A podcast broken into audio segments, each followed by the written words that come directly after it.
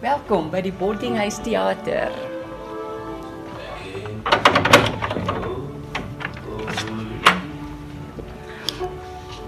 Dit is pragtig.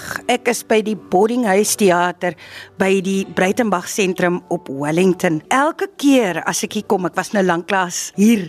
Elke keer as ek hier kom, het ek so lekker warm gevoel in my hart en ek kry vandag weer so lekker warm gevoel. François Lotter, is jy nou die man aan die stuur van sake hier by die Breitenberg sentrum? Dis reg ja, ek is al so de, amper 4 jaar nou hierso. Kyk, is 'n baie lekker plek om hier te wees. Dis 'n baie skepende plek, soos lekker om hier te werk. Mm. Ek sê altyd dis it's my happy place, jy weet, dis my lekker gelukkige plek. En ek dink almal wat hier is, wat hier werk en betrokke is, dit is hulle gelukkige plek. Hulle geniet elkeen wat hy doen en ek sorg dat hulle dit geniet en dan gaan dit lekker aan. Op die oomblik gaan dit goed. Jy weet, ons het projekte wat aangaan.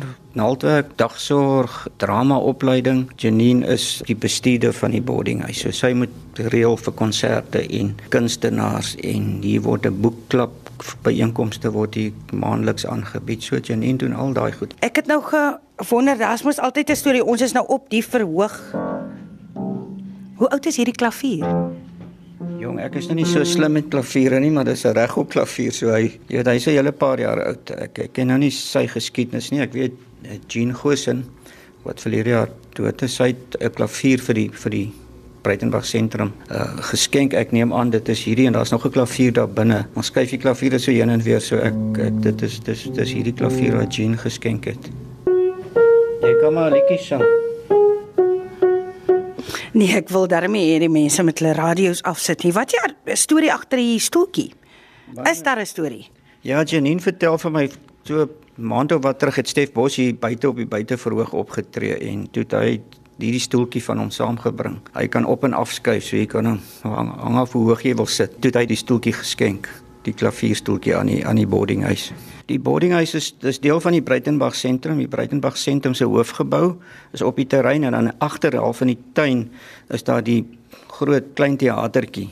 Dis die boardinghuis word hy genoem en dit is waar Breiten Breitenberg want sy ouers het hier in die in die in die Breitenberg sentrum gebly en hy ook. Hy het hier groot geword. Hy was hoofseun hier by die Huguenote Hoërskool. En hy het hier in die hierdie gebou waar ons nou staan, die boardinghuis het hy geslaap amper hier presies waar ons nou by die klavier staan. En hy het ook 'n gedig geskryf al wat daar voor hang wat hy gesê eendag gaan hy terugkom na sy vader se groot boardinghuis. Maar terwyl ons nou stap tot by die gedenktuin, vertel gou vir my 'n bietjie François, wie is jy nou eintlik? Man, ek was 'n joernalis. Ek was een van daai gelukkige ouetjies toe ek op skool was. Het my ma nooit eers gevra wat wil jy eendag gaan word of jy moet 'n dokter of 'n onderwyser word nie. Ek het sommer op skool besluit ek wil 'n joernalis word. Ek wil skryf. Hoe gebeur dit dat jy toe hier beland? En ek neem aan dis ook vir jou 'n heerlike projek want jy het afgetree. Ja, ek het op 55 afgetree en dis al 'n geruime tyd terug. Ek is 'n 30 jaar lank 'n joernalis en 'n joernalis maar het, ek was in daai interessante jare. So het baie rondbeweeg van saam met Mandela rondgetoer en wow. oor oor die wêreld en uh, ook uh, weet voor dit saam met die ander presidente en al die politieke vergaderings later bygewoon en parlement gewerk en dit was lang ure en 'n ou besluit net jou gesin. Jy weet jy weet jy's nooit by die huis nie. Dis nie daai vaste ure. Deesdae werk ouens van 8 tot 5 selfs joernaliste en dan wil hulle huis toe gaan. Daai tyd het jy gewerk as daar werk is. So toe het 'n ou besluit kom ek tree vroeg af en dan raak ek 'n bietjie rustig Dit is nou 'n plek waar 'n mens moet sit om jou kop skoon te kry, hier by hierdie fonteintjie. En dan is daar die mooiste mosaïekwerk in hierdie tuin. Kom sit jy hier in en kom kry jy jou kop hier skoon. Ja, kyk, hier's baie plekke hier om te kom sit, van die boekwinkel tot ook in die tuin. En die digterstuin is uh, ingerig so so 10 jaar terug is hy geskep met die fonteintjie en oral is daar gedigte, Afrikaanse gedigte van verskillende Suid-Afrikaanse digters en ons probeer dit gereeld een of twee bysit elke jaar. Dis op teels en groot teen die mure is daar groot een van Bruiten oral op die teeltjies hier by die fontein reg om die fontein is daar 'n hele gedig wat mense om die fontein kan loop en hom lees. So dis baie lekker. Hier kom gereeld mense ook hier. Jy weet sommer net van buite kom sit net en rustig wees hier. Of dit nou studente is wat net hier kom bietjie sit en leer of vriende wat kom kuier of iemand wat net in die tuin kom sit en lees gedigte en Ek sien nou teen die muur staan tuin van digters. Meer digdink is nodig. Ek lees vir julle vroegherfs MP van Wyk Lou. Die jaar word ryp in goue akkerblare, in wingerd wat verbruin in witter lig wat daglank van die nuwe wind en klare son deurspoel word. Elke blom word vrug, tot selfs die traagstes en die eerste blare val. So silweg in die rookval bos en laan dat die takke van die lang populiere alteen elke ligte môre witter staan. O Heer, laat hierdie dae heilig word. Laat alles val wat pronk en sieraad was of enkel jeug en ver was van die pyn. Laat ryp word.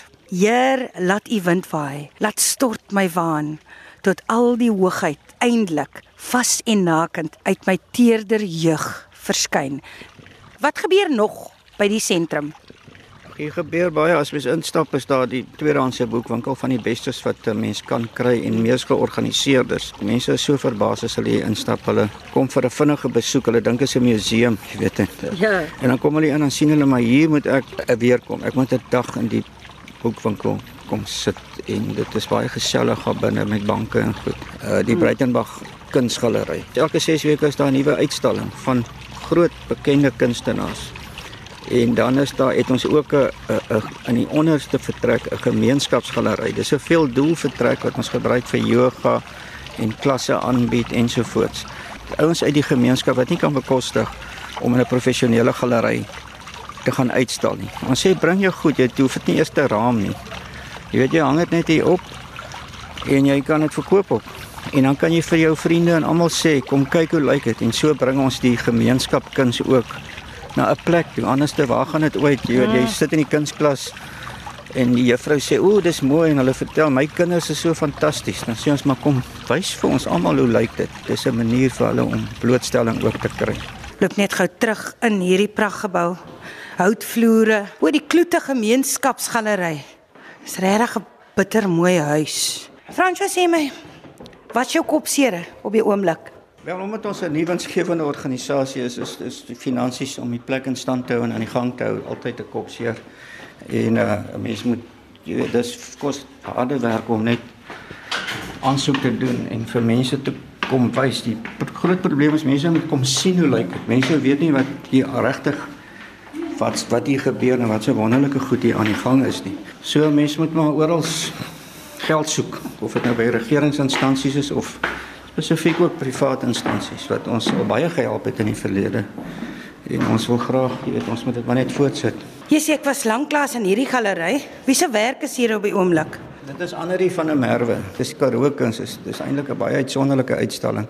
Sy het ou Karoo huise, mense het uitgetrek. En toe het sy van binne die vertrekke die Karoo landskappe deur die vensters geteken en dan ook die vertrek binne-in dat jy so van binne 'n lewe vertrek dat die Karoo landskappe kan kyk is baie mooi.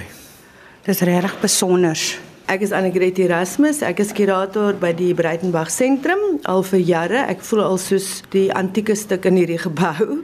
Dis Dis altyd vir my so mooi om hier binne te staan. Mense het 'n groot waardering vir wat jy doen en jy's van die begin af hier. Dis hoekom ek jou nou wil vra. Ons het nou sopas ek en François gepraat oor uitdagings. En jy probeer dit ding aan die gang hou. Jy het 'n droom en jy wil mense bereik. Wat vir jou is die uitdagings? Heidi, ja, en dit is moeilik in hierdie dae om 'n so 'n plek aan die gang te hou. Maar weet jy die droom?